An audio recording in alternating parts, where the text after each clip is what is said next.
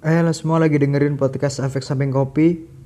7 Oktober 2020 Tepat di mana hari ini. Banyak pengunjuk rasa dari kalangan mahasiswa, aktivis, buruh Dan yang lain-lainnya yang menuntut digagalkannya Undang-Undang Cipta Kerja atau Omnibus Law.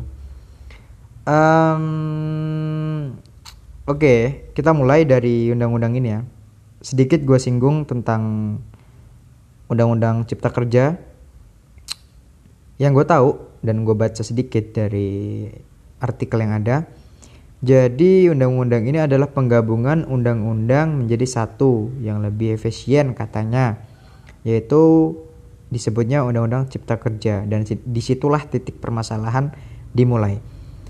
Um, banyak pasal-pasal yang bermasalah atau kontroversial mungkin menurut para aktivis dan mahasiswa yang ingin diusut dan bahkan sudah disahkan ini digagalkan lagi. Digagalkan aja deh karena banyak pasal-pasal yang bermasalah. Makanya kenapa banyak demonstran sekarang hari ini 7 Oktober menuju ke gedung DPRD, DPR RI, banyak mahasiswa yang turun ke jalan. Sebenarnya sih dari kemarin tanggal 6 Oktober banyak di kota-kota besar udah ramai demonstran mengunjungi mengunjungi berdemo di kantor DPRD. Dan seperti hal-hal yang lalu, ketika ada sesuatu yang ingin dimunculkan ke publik dan akan menimbulkan hal-hal yang panas, mungkin ada banyak buzzer yang menut ingin menutupi hal tersebut. Jadi seperti uh, ada yang ingin menutupi pengalihan isu terhadap pengesahan undang-undang ini. Jadi kalau kalian semua ingat sebelum undang-undang ini disahkan tanggal 6 Oktober kemarin hari Selasa itu sempat muncul isu pelaporan Mbak Najwa Sihat atau Mbak Nana kepada polisi terhadap tindakannya yang mewawancarai kursi kosong ntar dulu deh. Kan Mbak Nana kayaknya udah agak lama beberapa hari yang lalu buat video itu. Tapi kenapa baru-baru ini naik dan diangkat dan dilaporkan ke polisi? Dan waktunya berdekatan banget loh sama pengesahan undang-undang cipta kerja ini. Ada apa ini dengan pemerintah? Halo? Gue emang nggak berani nyinggung tentang pasalnya karena gue nggak punya ilmu di sana. Gue nggak berani tentang uh, kenapa dibuat undang-undang cipta kerja ini? Tapi gue berani berbicara bahwa emang ini ada pengalihan isu. Karena sebelumnya pun banyak hal yang ingin dicetuskan oleh pemerintah dan dihalangi masyarakat. Apakah iya omnibus omnibus law ini ingin disahkan tapi ingin ditutupi? Dengan adanya pelaporan Mbak Najwa Shihab. Itu masih menjadi pertanyaan kita semua dan apakah pemerintah berani menjawab? Gue juga nggak tahu. Um, pasal karet pasal bermasalah yang niatnya ke, disampaikan kepada mahasiswa ini harusnya udah nggak ada lagi pasal-pasal yang kayak gini. Harusnya dihapuskan aja deh pasal-pasal atau mungkin undang-undangnya sekalian tentang cipta kerja ini. Karena mungkin katanya banyak para buruh yang merasa nggak setuju dengan undang-undang ini. Seperti contohnya libur haid dan melahirkan untuk perempuan itu dihilangkan, kerja seumur hidup dan pemotongan atau penyetaraan gaji setiap daerah masing-masing. Itu sedikit dari undang-undang yang kontroversial yang banyak diangkat oleh eh, media-media yang ada dan itu juga yang ingin uh, dibatalkan oleh para aktivis dan mahasiswa. Um, menyingkapi hal tersebut, gue mengapresiasi tindakan para mahasiswa aktivis buruh yang berani menyuarakan suaranya ke gedung DPR itu nggak salah.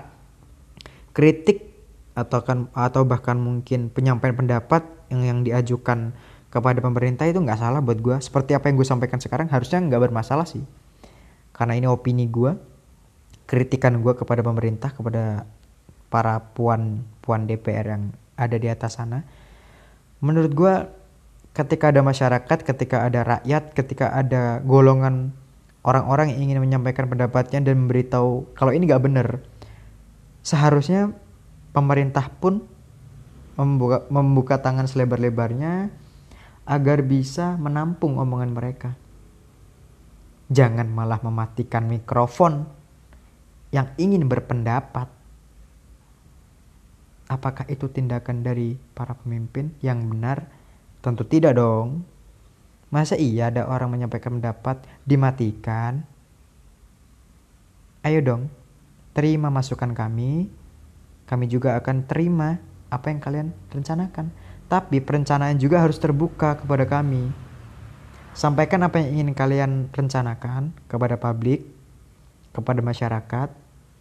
Lalu pengkajian, sampaikan ulang hasil akhirnya, baru deh perumusan atau mungkin pengesahan Jangan tiba-tiba ada undang-undang yang masyarakat nggak tahu dan tiba-tiba disahkan. Kaget dong kita.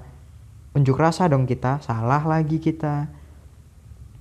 Mungkin sebentar lagi banyak isu-isu yang akan beredar lagi kayak COVID naik gara-gara para pengunjuk rasa.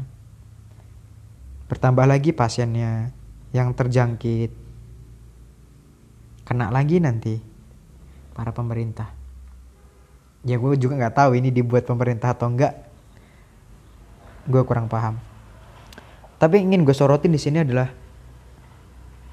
terima kritikan dari masyarakat. Jangan sampai um, kritikan kami atau pendapat kami itu ditolak tidak diterima itu nggak apa-apa tidak diterima itu nggak apa-apa yang penting kritikan dan masukan kami harap didengarkan terlebih dahulu kami ini rakyat bro Kalian ini DPR, Dewan Perwakilan Rakyat. Kalian ini perwakilan kita. Ayolah, terima dulu. Biarkan kami bersuara terlebih dahulu.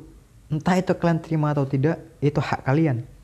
Yang penting kita sudah menyampaikan pendapat dan kritikan kita. Silahkan diolah kalau emang kalian mengolah. Silahkan dikaji kalau kalian ingin mengkaji. Tapi jangan tutup suara kami untuk mengkomentari kalian. Karena itulah tugas kami dan itulah hal yang harus kalian dapatkan menjadi seorang pemimpin. Terakhir, gue sebagai mahasiswa yang mungkin emang bukan dari mahasiswa hukum dan politik ingin menyampaikan apresiasi kepada teman-teman mahasiswa, aktivis semuanya yang ikut menyuarakan suaranya ke gedung DPR tetap jaga protokol yang ada, jangan anarkis, ikuti peraturan demo yang ada, unjuk rasa yang benar, sampaikan pendapat kalian dengan hal yang benar juga.